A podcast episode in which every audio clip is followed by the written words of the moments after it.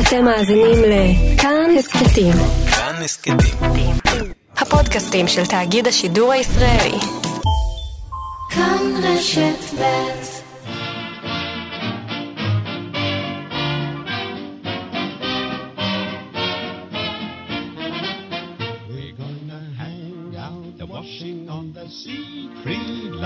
Have you any dirty washing, mother dear? We're gonna hang out the washing on the Siegfried line. Cause the washing day is here.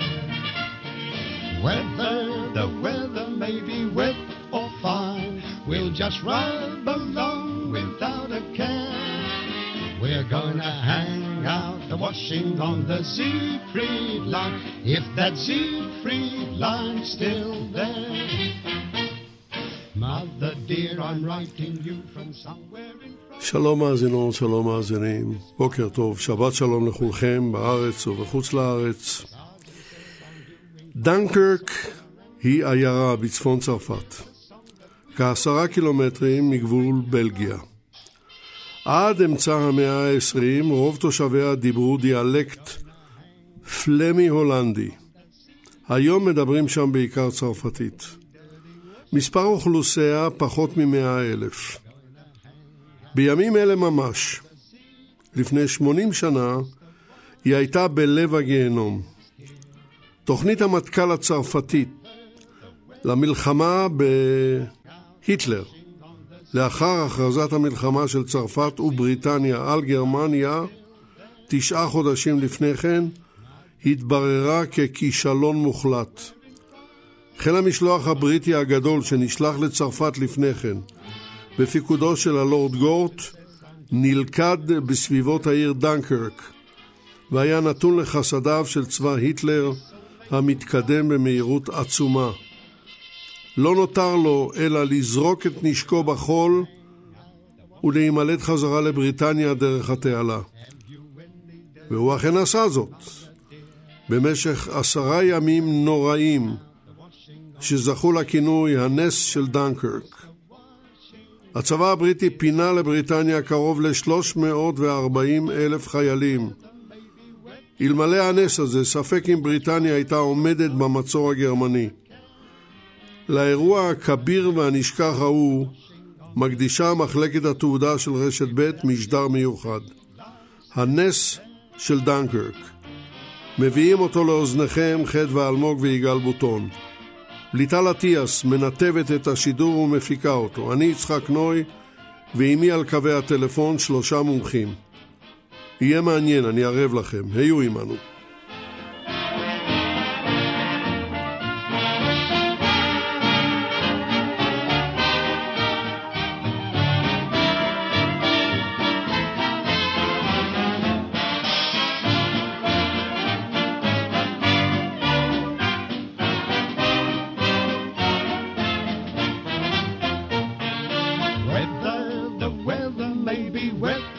Fine, we'll just run along without a care. We're gonna hang out the washing on the Siegfried line, if that Siegfried line's still there. דוקטור נתן ארידן, בוקר טוב לך, שבת שלום. שבת שלום לכל המאזינים. דוקטור ארידן הוא ממכון בן גוריון לחקר ישראל והציונות שבאוניברסיטת בן גוריון בנגב.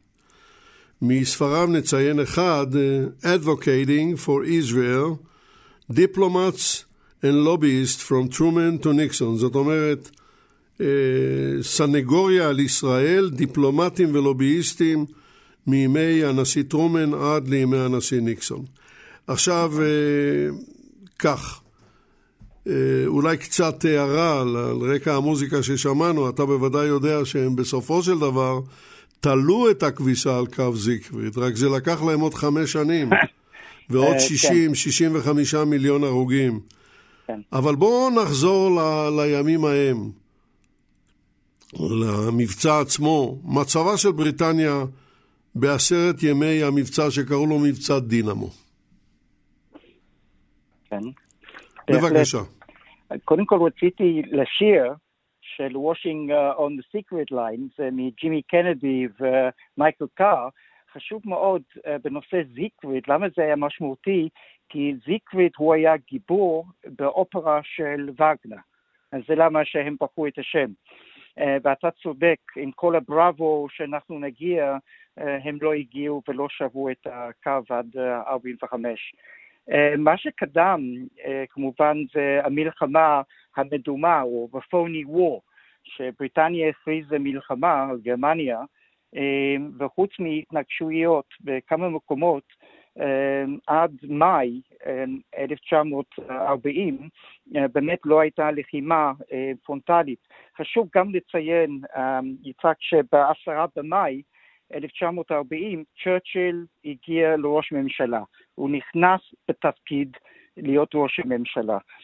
וכמו שאתה סיפרת למאזינים, פשוט הכוחות של הבריטים, הבלגים והצרפתים, הם בעצם הגיעו על החוף בדנקרק ללא, פשוט ללא ישר, ובכמה סיבות, אפשר לומר גם פשלות של הצבא הגרמני, באמת הם הצליחו לפנות.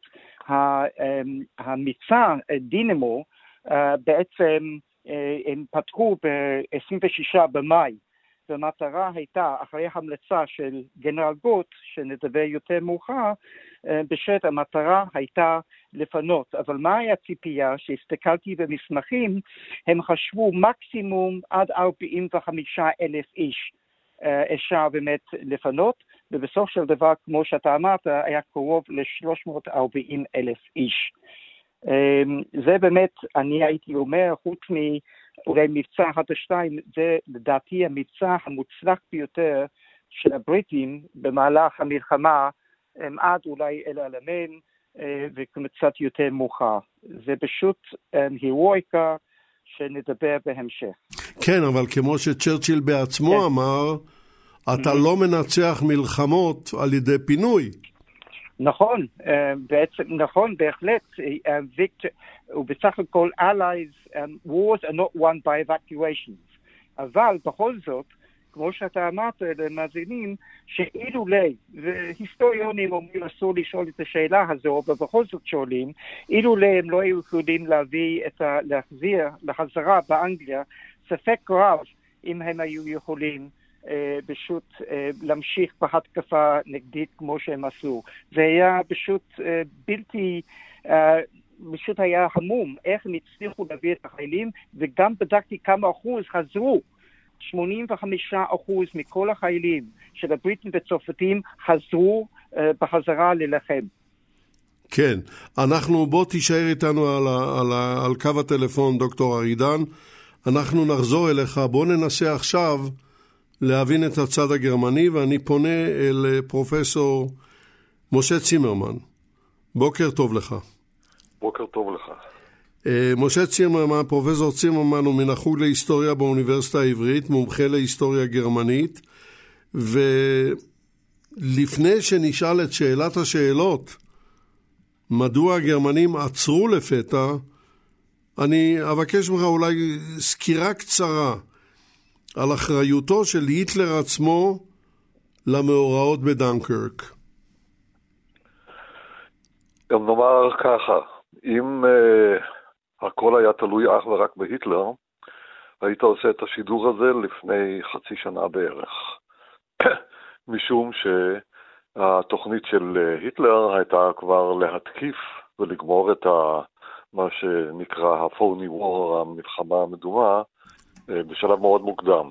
הם כבשו את אה, פולין בספטמבר, אוקטובר 1939, והוא התכוון uh, בערך חודש אחר כך כבר להתקיף במערב, ולא עשה את זה.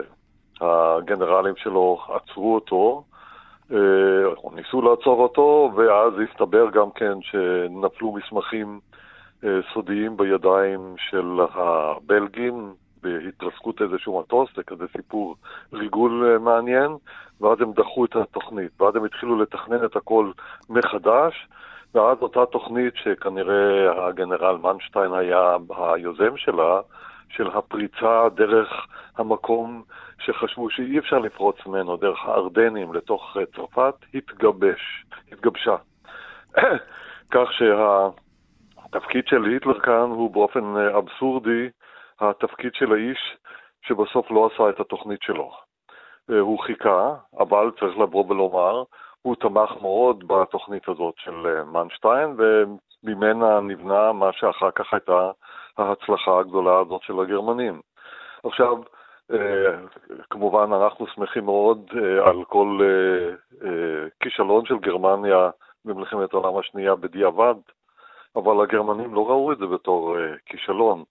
אני מחזיק ביד כאן את אלבום הניצחון של, שהוציאו הגרמנים מיד אחרי המלחמה, הוא נקרא "עם היטלר במערב", יש שם המון תמונות של שבויים גרמניים בטורים, אה, שבויים אנגליים בטורים אינסופיים, של אותם אה, אה, כובעי פלדה של הצבאות שנסוגו מדנקרק, מונחים שם בערימות ענקיות. הקיצור, הרושם שנוצר עבור הגרמנים אז, ובעצם עבור כל מי שסוקר את הדברים בצורה אה, נויטרלית, הוא של כישלון איום ונורא של צבאות בנות הברית, וכן זה מה שקרה. Uh, הצבא של צרפת, של אנגליה, של בלגיה, של הולנד, uh, הוא נכשל כישלון חרוץ, ודנקרק היה פחות או יותר השסתום הקטן שדרכו אפשר היה להציל את החיילים האנגליים והצרפתיים, אבל uh, לא היה אפשר להציל את כל הציוד שלהם שנשאר מאחור. כך שאם דנקרק היא היום בשבילנו אה, שיא של הצלחה של האנגלים, אה, זה עניין של פרשנות, בשעה שהוא היה עבור הגרמנים אז. אה, פרופסור צימרמן, סמל של כישלון גמור של הצד השני וההצלחה לא, שלהם. כן, פרופסור צימרמן, אני לא חושב שיש הרבה ויכוח על העניין הזה. שזו הצלחה עצומה של הגרמנים וכישלון איום ונורא של הבריטים. צ'רצ'יל בעצמו, בנאום שלו במלחמה על החופים, שאומר We shall never surrender, הוא ממשיך ואומר, ואם יקרה מה שאני לא מאמין שיקרה, אנחנו נפנה לצפון אמריקה והיא תציל אותנו. אנחנו mm-hmm. נמשיך להילחם כי המצב שלהם איום ונורא המצב של הבריטים. אני לא חושב שיש על זה ויכוח, אבל השאלה היא למה הוא לא מחסל את הכיס עם 370, שלא 400 אלף חיילים? למה לא. הוא עוצר אותם? שוב פעם, יש אלה שמנסים לבנות את כל הסיפור של המלחמה על היטלר בעצמו. במקרה הזה, אותם אנשים שבדקו את הדברים באופן קצת יותר יסודי מגלים שההוראה לעצור את ההתקדמות של הצבא הגרמני לתוך הכיס הזה, או כדי לסגור אותו לגמרי, ההוראה יצאה לא מהיטלר, אלא יצאה מהגנרל קלייסט. והיא יצאה כבר יום אחד לפני שהיטלר ידע על ההוראה הזאת. האמת היא שהיטלר, במקרה הזה, עשה מה שהוא לא אהב לעשות, זה להסכים עם הגנרל קלייסט. הגנרל קלייסט הגיע למסקנה שהאגף, זה תמיד הסיפור של הגרמנים, האגף שלהם חשוף, ההתקדמות של כוחות השריון מהירה מדי, החיל הרגלים איננו מגיע באותו קצב למקום, יש סיכוי להתקפת נגד של הצרפתים, הם חשבו שהצרפתים יותר רציניים מאשר הם באמת היו בסופו של דבר. הם רצו התקפת נגד, אבל זה לא עזר להם, כן, האנגלים לא הסכימו. ההתקפות הנגד האלה היו מקומיות ולא היו אה, מה שנקרא התקפה, התקפת נגד אסטרטגית, בסופו של חשבון. הסיפור הזה הוא סיפור, אה, אה, נאמר, קטן בתוך הסיפור הגדול. הסיפור הגדול הוא התוכנית הגדולה של גרמניה להתקיף ולנצח. שלב אחד היה לסגור את הצבא של המשלוח האנגלי יחד עם הצרפתים בדנקרק. הם הצליחו לעשות את זה, והדבר השני הוא לפנות אחר כך דרומה ולהתקיף את uh, שאריתה של uh, צרפת. אבל האם... מתי האם... הזכרתם את המונח הזה, הנס של דנקרק.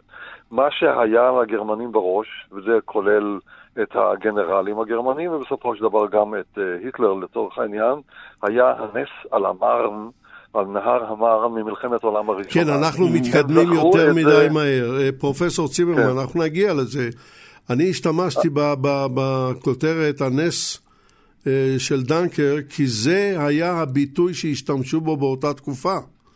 כן, מכיוון אתה, שבראש אתה... שלהם, אבל... זה אחד הדברים שאנחנו תמיד שמים לב אליהם. אבל פרופסור צימרמן... אנשים תמיד נלחמים את המלחמה הקודמת, חושבים על מה שהיה אז, וזה נגיע... מדריך אותם. נגיע ולכן לזה. ולכן גם נעצרה ההתקדמות של הצבא הגרמני ליומיים, והיומיים האלה רצי... גרמו לכך שאפשר היה להציל 350 אלף אה, אנשים.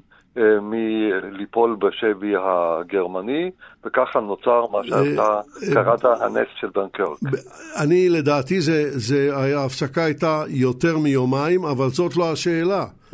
השאלה היא, האם לדעתך הגנרל קלייסט עצר כי הוא פחד שהיטלר ישתלט על כל אירופה והוא רצה לתת לבריטניה אוויר לנשימה? לא, לא. יש את הסיפור שהוא כמובן בדיעבד. יותר מאוחר הסתבר שמה שחשבו, שיעצרו את השריון וייתנו לחיל האוויר הגרמני, ללופטוואפה, להפציץ את אה, האנשים בדנקרק וזה יפתור את הבעיה, הסתבר שזה לא היה אלא אשליה. שני דברים קרו, מזג האוויר הפריע להם, וחיל האוויר אה, הגרמני גילה את הספיטפייר האנגלי. והתוצאה הייתה שחיל האוויר לא הצליח, אה, הגרמני לא הצליח לעשות את המשימה הזאת. ואז כמובן היה צריך להמציא אחר כך תירוצים. אתה יכול לבוא ולומר, גרינג, שאחראי על חיל האוויר, פישל, נפטר אותו. כמובן לא עלה על הדעת. מה הפתרון? להגיד, אנחנו היינו נחמדים ונתנו להם לסגת כי אנחנו לא רצינו להשפיל את האנגלים יתר על המידה. זה לא היה שיקול דעת של קלייסט ב, אה, ב, קבלה של ההחלטה, זה שיקול דעת בדיעבד שהיטלר יכול להעלות אותו, כדי שמי שישאל את השאלה, כמו שאנחנו שואלים היום, למה עצרתם, יקבל תשובה שהיא לא באה בגלל כישלון, טעות של שיקול הדעת ברור, הגרמני, ברור. אלא גודל הלב המפורסם של הגרמנים הנאצים. כן. בואו נעבור. תודה רבה לך, פרופסור צימרמן. יישאר איתנו על הקו. אני עובר כעת אליך, פרופסור איתן גלבוע, בוקר טוב לך, שבת שלום. בוקר טוב ושבת שלום. אה, פרופסור גלבוע הוא מומחה לארצות הברית וחוקר בכיר במרכז בגין סאדאת למחקרים אסטרטגיים באוניברסיטת בר אילן. וכמובן ארצות הברית אז לא במלחמה.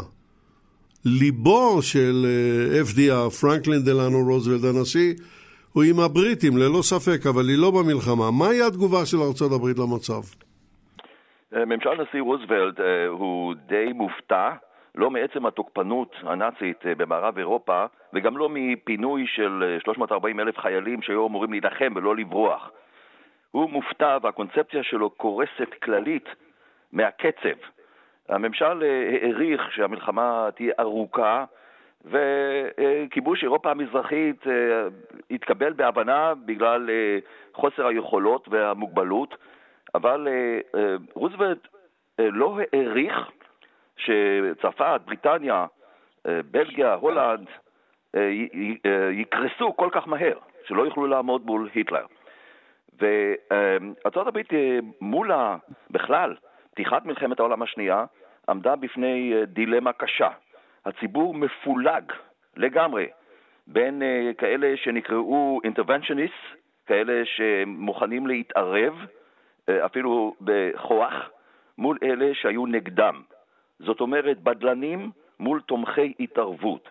מצד אחד, אה, ארה"ב יש לה יחסים מיוחדים עם בריטניה, ובריטניה אה, בתקופת דנקרק עומדת להיוותר הדמוקרטיה היחידה במערכה נגד היטלר, ומצד שני הבדלנות היא מושרשת ועמוקה במדיניות החוץ האמריקנית בין שתי המלחמות, אה, עברו רק 21 שנים מתום מלחמת העולם הראשונה. אה, ב-1929 ארה"ב עוברת משבר כלכלי מאוד קשה. אחרי עליית אה, הנאצים, הקונגרס כבר מריח שאולי פה יתפתח מצב שיחייב התערבות אמריקנית והוא מחוקק סדרה של חוקי ניטרליות, וזה למגינת ליבו של רוזוולט. ועוד צריך לזכור, 1940, אנחנו נמצאים במאי 1940, שנת בחירות לנשיאות, ורוזוולט מחליט ללכת על כהונת, כהונה שלישית, הוא נבחר פעם ראשונה ב-32, אחר כך ב-1936, הוא הולך על עוד כהונה. חסר, זה, זה מצב חסר תקדים אה, בהיסטוריה האמריקנית, והוא כמובן מצדיק את המהלך הזה בכך שיש מלחמה באירופה. הוא זקוק לקול הגרמני, לקול האיטלקי, וגם לאלה שבארצות הברית... אתה מתכוון אנטי... לאזרחים האמריקנים נכון. ממוצא איטלקי וממוצא גרמני.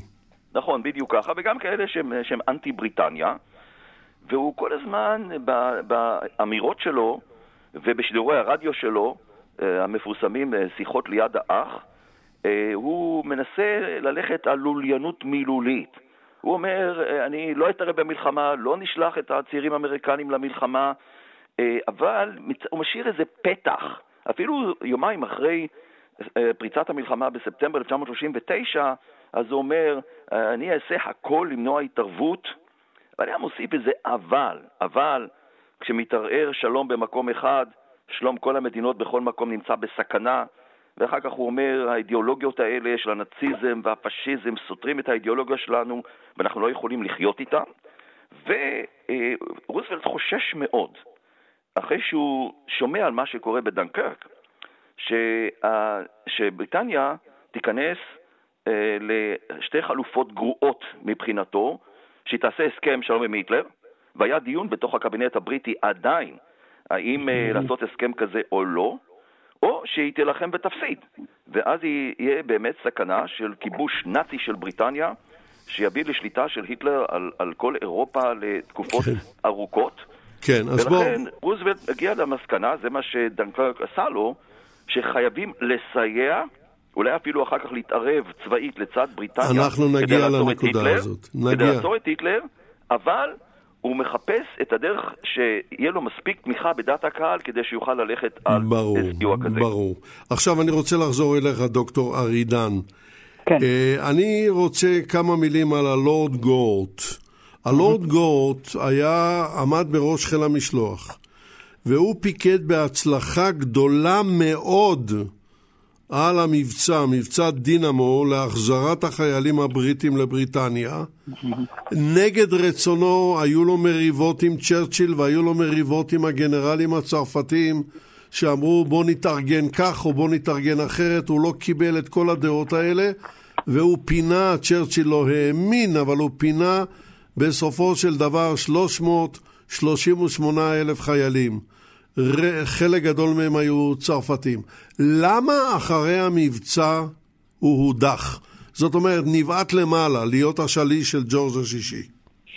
כן, שאלה טובה מאוד. אני רק רציתי טיפה um, להתייחס בכמה מילים מה שנאמר לפני. חשוב מאוד שתבינו שצ'רצ'יל הוא היה חצי אמריקאי. צ'רצ'יל, אימא שלו הייתה אמריקאית, זאת אומרת, צ'רצ'יל חשב שהוא, יש לו קשר מיוחד עם אמריקאים, שהוא נאם בנאומים שלו בבית הנבחרים באנגליה, שזה היה משודר, הוא נאם בשעות שבאמת היה יכול להיות שיא, שאלו שהם שומעים אותו במזרח. אמ, החוף המזרחי, וזה למה אנחנו הכל ברדיו, עוד אין טלוויזיה. כן, נכון, בהחלט. אבל לענות לך בנושא של גורט, איש אה, מאוד מאוד מעניין, וכמו שאתה אמרת, הוא באמת היה מוצלח, נכנס בתפקיד שלו אה, ב-21 בדצמבר כבר, 1939, הוא כבר יזם תוכנית שלדעתו היה מובן מאליו שהיטלר יפלוש בהולנד, בבלגיה, בצרפת אה, עד חודש מאי והוא צדק. אז מה שקרה, הוא בעצם הצליח, אבל היה לו כתם. בעיני צ'רצ'יל היה לו כתם שבכל זאת הוא הצליח, ומה הוא היה מפורסם? עבור הפינוי. מה שגם גיליתי אצל חלק מהביוגרפים שלו וגם חומר בארכיון באנגליה, הוא סבל מסרטן. אף אחד לא ניתח את זה, קצת דומה לצ'מברלין דרך אגב. אז, רגע, מתי, מתי הוא מת? הוא מת ב-1946, מיד אה, אחרי שהוא כהן, דרך אגב, להיות נציב עליון. אה, והוא פרש בדצמבר כאן בארץ ישראל, נכון, נכון. כן, ב-45 נכון. הוא פרש. זאת אומרת, הם לא ידעו מה לעשות איתו, אבל לבריטים יש את האימפריה, אז מה הם עשו? דוגמה, ב-25 ביוני כבר שלחו אותו למרוקו לעזור את האנטי-וישים לנהל משא ומתן, הוא בסך הכל נכשל וחזר. כמו שאתה אמרת, הוא היה עם, עם המלך. איזה תפקידים הוא קיבל? הוא, הוא um, ביקר באיסלנד, um, הוא ביקר באזורים בסקוטלנד, ואפילו היה מושל בגיברלטר 1940-41, וגם במלטה. שוב פעם הוא היה גיבור, שידוע כמה ההפצצות של הגרמנים על מלטה, גם הוא, um, גם הוא הצליח. וכמובן, ב-1944 הוא קיבל את ה, על, על עצמו את התפקיד להיות נציב עליון אה, במנדט הבריטי, ארץ ישראל, ופשוט הוא היה חולה כל הזמן, והם לא הצליחו לפענח מה הייתה הבעיה, והוא מת. אז הוא, זוכרים אותו בהצלחה שלו במלחמת העולם ראשונה, אבל צ'רצ'יל רצה להתנער מכל אחד שהוא היה כרוך, קשור לדנקרק. ברור לגמרי. השיקולים של צ'רצ'יל מובנים. תודה לך, דוקטור ארידן, יישאר איתנו. אני חוזר אליך, פרופסור צימרמן. עכשיו, האם בדנקרק, לדעתך, הצבא הגרמני, הוורמאכט, מגיע לשיאו, מפני שהצלחה פנטסטית כזאת כבר לא תהיה לו? השלב הזה של אה, סוף אה, חודש מאי, בדיוק לפני 80 אה, שנה, היה השלב לפני השיא. כששאלת מדוע מגרשים את הלורד גורט, לורד גורט הפסיד מלחמה, זה התפקיד שלו היה לנהל את כוח המשלוח הבריטי כדי לגרש את, ה, את הגרמנים, לא כדי לקחת את החיילים שלו בלי שום דבר בחזרה לאנגליה. עבור הגרמנים זאת הייתה שעת שיא לפני שעת שיא הגדולה ביותר. השעת שיא הגדולה ביותר הייתה ב, אה, בערך אה, שלושה שבועות יותר מאוחר, כאשר צרפת נכנעה. דהיינו, דנקרק הייתה עניין של מה בכך, בתוך המסגרת היותר גדולה, היה סיום של השלב של המאבק נגד כוח המשלוח הבריטי, מבחינת הגרמנים לצער הלב בהצלחה גדולה מאוד, ואז באה השאלה הכי גדולה, איך אנחנו ממשיכים. מתקיפים את אנגליה, או ממשיכים במאבק על צרפת, המשיכו במאבק על צרפת, וכמו שנאמר מקודם, ההישג הזה הוא הישג עצום. מלחמת העולם הראשונה, ארבע שנים, ולא הגיעו לאותו הישג שהצבא הגרמני מגיע אליו בחודש אה, מאי-יוני 1940, תוך שישה שבועות הם מחצו לא רק אה, כוחות קטנים כמו בלגיה והולנד, אלא הם מחצו את הצרפתים, גירשו את האנגלים אל תוך האי שלהם, וזאת הייתה באמת שעת השיא של ההצלחה, ההצלחה הגרמנית. אפשר כן. כמובן לבוא ולשאול האם uh, השלב שבו עמדו הגרמנים שנה יותר מאוחר בשערי מוסקבה לא היה שיא עוד יותר גדול, אפשר לומר ככה.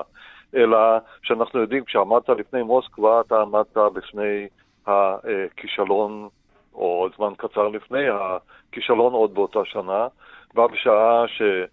כאשר הגרמנים עשו את מצעד הניצחון שלהם גם בפריז וגם בברלין אחר כך, היה נראה כאילו הם מחקו את הכישלון הגדול שלהם ממלחמת העולם הראשונה. אז אנחנו מיד אה, נגיע למלחמת העולם הראשונה. שולטים ב... בקונטיננט האירופי. ללא ספק, אבל אני רציתי, ישנו סיפור סימפטומטי מאותה תקופה, והוא קשור לגנרל היינץ גודריאן, אחד מגדולי מצביעי השריון של היטלר. וכשהוא מתקדם, הוא מודיע למפקדה מאחוריו איפה הוא נמצא, ושם לא מאמינים לו. הם אומרים, האיש הזה לא יודע לקרוא מפות. גודריאן לא יודע לקרוא מפות, באמת שטות שכזאת. אבל הוא ידע על מה הוא מדבר. הגנרל... זאת אומרת שהפיקוד הגרמני לא האמין לגודל ההצלחה. זה קורה לפעמים, שאתה מצליח יותר ממה שאתה ציפית. אם אתה חושב במושגים של מלחמת העולם הראשונה, כן, אתה בלאו הכי חושב על זה שזה עניין של להיתקע בתוך שוחות במשך חודשים ואולי יותר. אם אתה חושב במונחים של המלחמה נגד אה, פולין, שהייתה חצי שנה קודם, אז אתה גם כן מדבר אה, במושגים של אה, יותר מכמה שבועות, נגד צבא שהרבה יותר חלש מצרפת. לכן החולשה של צרפת וההצלחה הגדולה של כוחות השריון הגרמניים הפתיעה אפילו את האנשים שתכננו את המהלך הזה, ברור. ולכן אה, הם מאוד נזהרו עם הדיווחים שהגיעו מגודריאן או מקלייסט או אפילו מרומל שהיה בדרגה יותר נמוכה בהתקדמות הזאת מערבה, אבל אה, זה לא לקח להם יותר מדי זמן כדי להבין איפה הם, איפה הם נמצאים. והם התארגנו מחדש, באמת הכוחות שלהם נפגעו תוך כדי המהלך קדימה, הם היו צריכים מה שנקרא regroup, להתארגן מחדש. יש לך הערכה, יש לך הערכה על גודל הנפגעים שהיו לגרמנים? הדיווח של קלייסט הייתה שפחות או יותר חצי מהטנקים שלו הם אה, לא במצב כשיר. עכשיו, אם זה נכון או לא נכון, לא ברור, מכיוון שבאמת עצרו את המהלך ותיקנו. כן, האנשים שמדווחים, הן מהצד הגרמני, אבל זה לא חייב להיות אומרים... בקרב. טנק נוסע, אז הוא אחרי איזה תקופת זמן קצרה חייב לעמוד, זה טנק.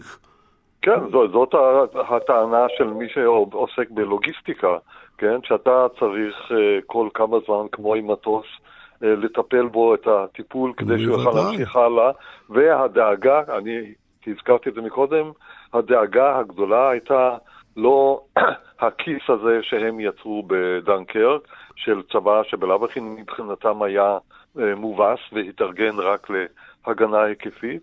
הדאגה הגדולה שלהם הייתה מה קורה דרומה לקו אה, שהם התקדמו אליו, כי דרומה היה עיקר הצבא הצרפתי, כן. עם קו מז'ינו שעדיין אה, קיים ברובו, ונגדו היה צריך להתארגן. הראש שלהם היה בכיוון הזה, ואז אני חוזר לשאלה ששאלת מקודם. הם התעכבו אה, יומיים, והדיווח הוא באמת על יומיים מ-24 עד 26 במאי בהתקדמות שם בכיוון של דנקר. התארגנו אחר כך שוב פעם, התחילו את ההתקפה דרומה, ועד 22 ביוני, דהיינו תוך אה, שלושה שבועות, היכו את אה, צרפת, היכו אותה שוק על, שוק על ירך. שוק על ירך. טוב, בואו נעצור כאן, כי אני רוצה לפנות אליך, פרופסור גלבוע. קודם כל כמה מילים על עסקת המשחטות, ואחר כך נעבור, נתקדם טיפה קדימה. מה האמריקנים טוב, עושים לטובת העניין הזה? הרבה הוא לא יכול לעשות, אבל משהו הוא עשה. כן, נכון. אה, זו הייתה תוצאה ישירה של אה, הנס של דנקרק והתחלת הקו על בריטניה. אה, הקו על בריטניה מתחיל ב-10 ביולי 1940. צ'רצ'יל אה, מבקש באוגוסט 1940 שארצות הברית תתחיל לספק לו נשק. הוא ביקש משחטות מפני שבבת אחת הוא איבד 11 משחטות, ורוזוולט מציע לו עסקה. 50 משחטות ישנות, אפילו מתקופת מלחמת העולם הראשונה, תמורת בסיסים בריטיים באיים הקריביים. אז זה יותר סמלי מאשר ממשי. רגע, אבל אני לא, לא מבין משהו. פרופסור גלבוע, הלו אה, נשיא ארצות הברית, פרנקלין דלנו רוזוולט, כפות. הוא לא יכול לספק נשק, הוא התחייב, הקונגרס לא נותן לו. איך זה פתאום הוא נותן להם השחתות?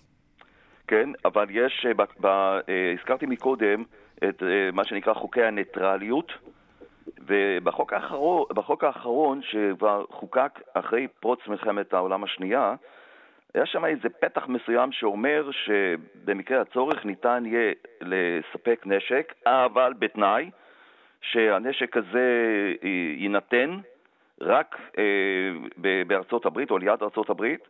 זאת אומרת שמישהו יבוא וייקח את זה, וזו הייתה הצדקה מול הקונגרס. הקונגרס אכן התבקש לאשר את העסקה הזאת והוא אישר אותה.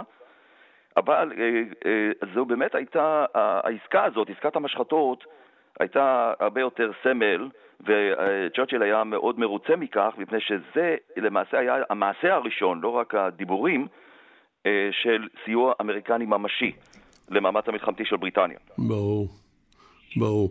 דוקטור נתן ארידן, אמור לי בטובך, כמה נשק בריטניה השאירה לחולות בדנקירק?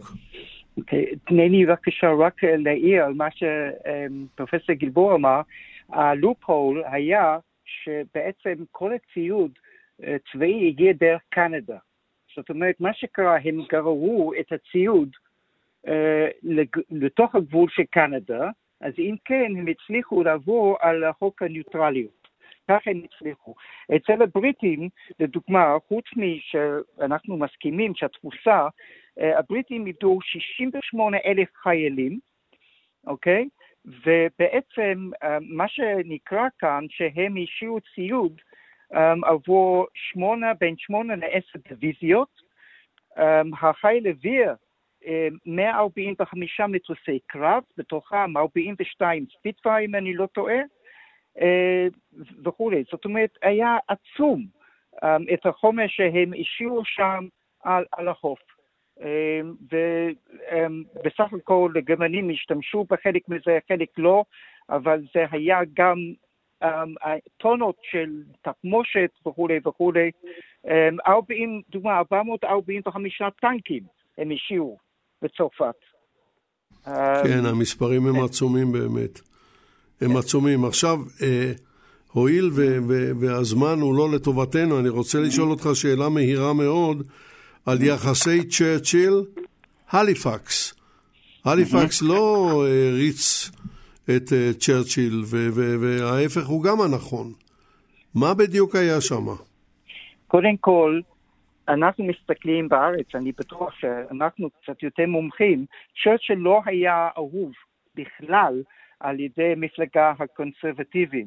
Uh, אני, uh, אני, פשוט מישהו סיפר לי שבקולנוע בווילס, בטון הפנדי, צריכים לזכור שב-1926 צ'רצ'יל שבה את השביתה הגדולה, אפילו צ'רצ'יל גיבור, הם עשו לו בוז בקולנוע. גם שהוא היה במפלגה ליברלית וכולי וכולי.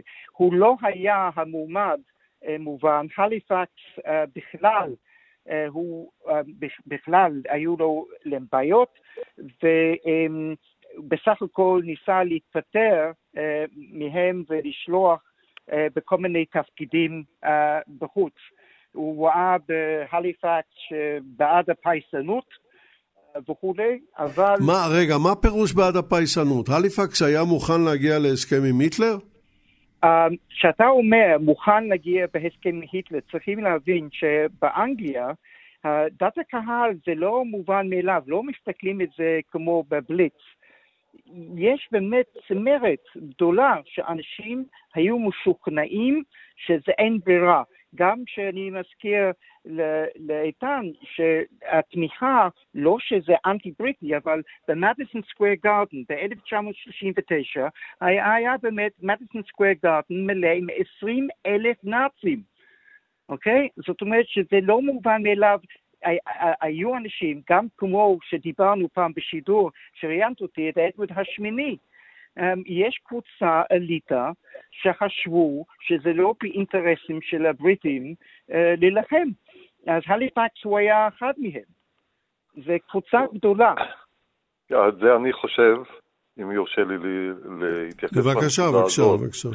אני חושב שאם אנחנו אה, מדברים אה, על, נניח, רק על היחסים הבין-אישיים של המנהיגים, אנחנו מפספסים תמונה גדולה. האמירה הזאת היא חשובה מאוד. רק אחרי המלחמה, אחרי שנגזפו כולם לתוך המלחמה נגד היטלר, כולם מציגים את עצמם בתור האויבים הטבעיים של גרמניה הנאצית. נכון. גרמניה הנאצית אה, פעלה מתוך ידיעה שיש לה בעלי ברית בכל העולם. לא רק שהם חתמו הסכם עם ברית המועצות, שזה נחשב אבסורד גמור, באוגוסט 1939, באנגליה הייתה מגמה מאוד ברורה של שיתוף פעולה עם גרמניה, אפילו אם היא גרמניה הנאצית, נגד מזרח אירופה שהיא קומוניסטית באותו שלב. בארצות הברית, בסופו של דבר כל המדיניות הזאת של הנויטרלית היא אמירה מאוד ברורה. בשבילנו גרמניה הנאצית לא יותר גרועה מאחרים.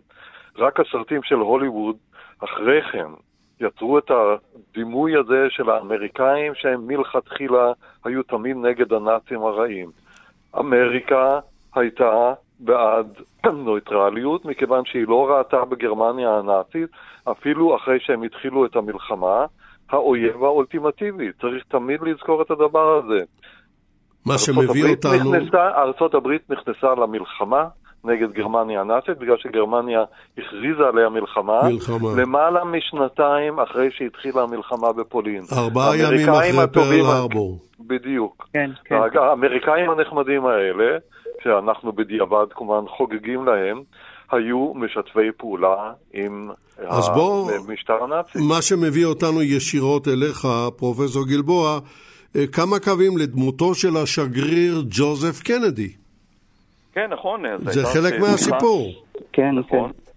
הייתה תמיכה בארצות הברית, כפי שהוזכר, אה, בהיטלר, בנאצים, בנאציזם, ובחוסר הרצון הזה עוד פעם להתערב אה, באירופה, עוד פעם האירופים האלה מנהלים מלחמה ואנחנו לא צריכים כל פעם, כל 20 שנה, ללכת לעזור להם, לפתור את הבעיות. אה, ג'וזף קנדי האב, שהוא אב השושלת, הוא מיליארדר כבד, הוא תורם אה, לבחירות של רוזוולט אה, בסיבובים הקודמים. רוזוולט מאוד מעוניין בשיתוף הפעולה איתו, לא רק בגלל הכסף, אלא גם בגלל מה שנקרא הקול הקתולי, מפני שהוא מייצג אה, קתולים. ובארצות הברית נהוג שאם אתה תורם הרבה כסף, אתה יכול לבקש, בין היתר, שגרירות. וג'וסף קנדי האב מבקש... כן, אבל. שגרירות בריטית בעד כסף. זה הרי כן, תפקיד זה- גדול מאוד להיות זה נכון שגריר ש- בבריטניה. נכון, אז, אה, אז אה, ג'וזף קנדי מבקש להיות שגריר בבריטניה ב-1938, הוא שולח אותו לשם, בין השאר כי הוא רוצה לנטרל אותו, זה כמו הסיפור של נתניהו וגלעד ארדן פה, מפני שיש שמועות על כך שהוא רוצה להציג את מועמדותו, ג'וזף קנדי הזה, בבחירות 1940 ולהיות הנשיא הקתולי הראשון אה, בארצות הברית. הוא תומך בניטרליות, הוא אנטישמי, הוא הריץ את היטלר, הוא רצה כן. שארצות הברית תגיע לאיזשהו הסכם עם, אה, עם אה, היטלר, השמיץ את צ'רצ'יל, הוא אמר שהוא שיכור כל הזמן ו- והוא, אה, והוא בעייתי, וכשהוא התבקש לתת דוח על דנקרק, הוא אמר בריטניה מחוסלת. הוא ניסה להיפגש עם היטלר בלי רשות, אבל זה היה הפוך לגמרי מעמדת הנשיא, ואז הוא התעצבן עליו והחליט לפטר אותו, ומינה במקומו את אה, ג'ון ווין נאנט, שהוא היה רפובליקני בכלל, אבל חשב כמוהו עד סוף המלחמה, הוא זאת כיהן אומרת, כשגריר ל- בבריטניה בוא עד סוף נבהיר, המלחמה. בוא רק נבהיר, הנשיא רוזוולד מפטר את השגריר ג'וזף קנדי, אביו של ג'ון קנדי הנשיא. נכון, אוקיי. אבל צריך בכל זאת להזכיר שבנו הבכור, זה נקרא ג'וזף ג'וניור, שהוא ייעד אותו להיות נשיא, הוא חשב שהוא יהיה הכי מוכשר ושהוא יהיה אה, נשיא אחרי שהוא ויתר על החלום שלו. הוא שירת כטייס בזרוע האוויר של חיל הים האמריקני, נשלח לבריטניה ושם נהרג ב-1944, במבצע מטורף. נכון? מבצע אה, שהיה ברור שאי אפשר לצאת ממנו חי. כן, רוזוולט לא היה יכול אה, להשלים עם מצב כזה שיש לו שגריר כזה בלונדון שמנסה לחבל באסטרטגיה שלו כן. אז בוא, של בוא, סיוע לצ'רצ'יל. בוא, בוא נסתפק בזה ונחזור אליך, דוקטור ארידן. קודם כל בוא תגיב על הדברים של אה, פרופסור אה, גלבוע. אני מסכים לחלוטין, ואני רוצה להגיד לכם שעד ימינו שגריר אמריקאי בלונדון הוא בדרך כלל, לא בכל מקום, הוא בין התורמים הגדולים ביותר של הקמפיין של הנשיא שנבחר. אפשר לראות את זה אה, משנות ה-20. אבל רציתי להוסיף משהו לדיון שאני חושב uh, שזה זה יכול להיות מעניין. הפרדוקס בכל הסיפור הזה בין הליפקס וצ'רצ'יל, מי הציל את צ'רצ'יל זה לא פחות יותר מנבל צ'יימברלין. נבל צ'יימברלין שהוא הודח, הוא באמת גוסס מסרטן, אה, בהתחלה כולם מסתכלים עליו לתמוך בהליפקס uh, מול צ'רצ'יל. אני קראתי ביומנים של כמה חברי פרלימנט, ל- בסך הכל לצ'יימברלין, אמ, היה לו, הוא אמר שאם הוא ישים משהו עליו, על, על הברכיים שלו, זה סימן שהוא יתמוך בהליפקס. כולם מחכים לו, ובסך הכל צ'יימברלין לא תומך בהליפקס, וצ'רצ'יל ניצח. זאת אומרת שאנחנו רואים את היחסים בין אנשים. רגע, רגע, רגע, כן. אני הבנתי, או mm-hmm. הרבה מהמאזינים כן. בוודאי מבינים, שלפי ההיסטוריה mm-hmm. שרובם מכירים אותה, mm-hmm. צ'מברלין מציע את ראשות הממשלה להליפקס שמפחד לקבל אותה. אה, בהחלט. כי הוא לא אה, רוצה להרים דגל לבן להיטלר. נכון, בהחלט. אז בסך הכל, מה שמשה אמר לפני, שאם אנחנו מסתכלים בכל היחסים, תסתכלו באמת במלחמת העולם הראשונה, שלואי ג'ורג', שהוא נכנס בשלטון בשני בדצמבר 1916, הוא בעצם מסתבך עם כל הגנרלים. זאת אומרת, אנשים מסתכלים במה שהתוצר ולא לפני. בצ'רצ'יל היו לו כמה יריבים, אבל בנושא של הגמ... אצל היחסים עם, עם, עם ארצות הברית, כמו שרואים אחר כך את ההסכם לאנגלס וכולי, אבל צ'רצ'יל באמת התחנן, התחנן, התחנן בפני רוזוולט להציל אותו, ו... דרך אגב, יש עוד סיפור, וזה לא קנוניה, כי אני מאוד מאוד זהיר, שנושא של פרל הרבר, אה, יש לא מעט מחקרים, היסטוריונים דגולים, שהם מעדיפים שהבריטים ידעו שהיפנים עומדו לתקוף בפרל הרבר ולא הודיעו לאמריקאים אבל, אבל אני, כן. אני מקבל, זה מעניין, אבל כן. בוא לא נפתח כן. את זה עכשיו. בבקשה. כי אנחנו בבקשה. נמצאים בדנקרק ואני רוצה לשמוע את כן. תגובתך, פרופסור צימרמן. אני חושב שהתגובה צריכה להיות לעניין, ה, אה, נאמר, המפה הכללית של הכוחות ב-1940. ברור לגמרי שאנגליה, דהיינו כאן לא רק אנגליה והאי, אלא האימפריה הבריטית, נהיית תלויה בארצות הברית, כמו שזה היה במלחמת העולם הראשונה. אנחנו חוזרים על הסיפור הזה שאתה צריך את האמריקאים בתור שובר שוויון, ועכשיו זה אפילו לא שוויון, אלא שובר אה, כישלון. והפנייה של צ'רצ'יל לארצות הברית היא כמובן אה, שאלה של הצלה עבור האימפריה הבריטית, כולל האזור הקטן שנקרא פלסטינה, שבו אה, כבר אה, היו חלק מהיהודים שניצלו מאירופה הנאצית. אז בוא רק, בוא רק תרשה לי... זה הדבר העיקרי, והדבר המאיים בתוך הסיפור ההוא באמת, שכפסע היה בין המצב שבו אמריקה לא תתייצב לצידה של בריטניה הגדולה. אנשים אולי ראו את ה... סריה שנקראת אה, קנוניה נגד אמריקה, לפי הספר של פיליפ רוט, שעשו אותה אבל הוא ספר בדיוני, עכשיו, הוא ספר, הוא ספר הבדיוני. הספר הבדיוני הזה מסתמך על היכרות עם המנטליות האמריקאית והמדיניות האמריקאית שהייתה אז.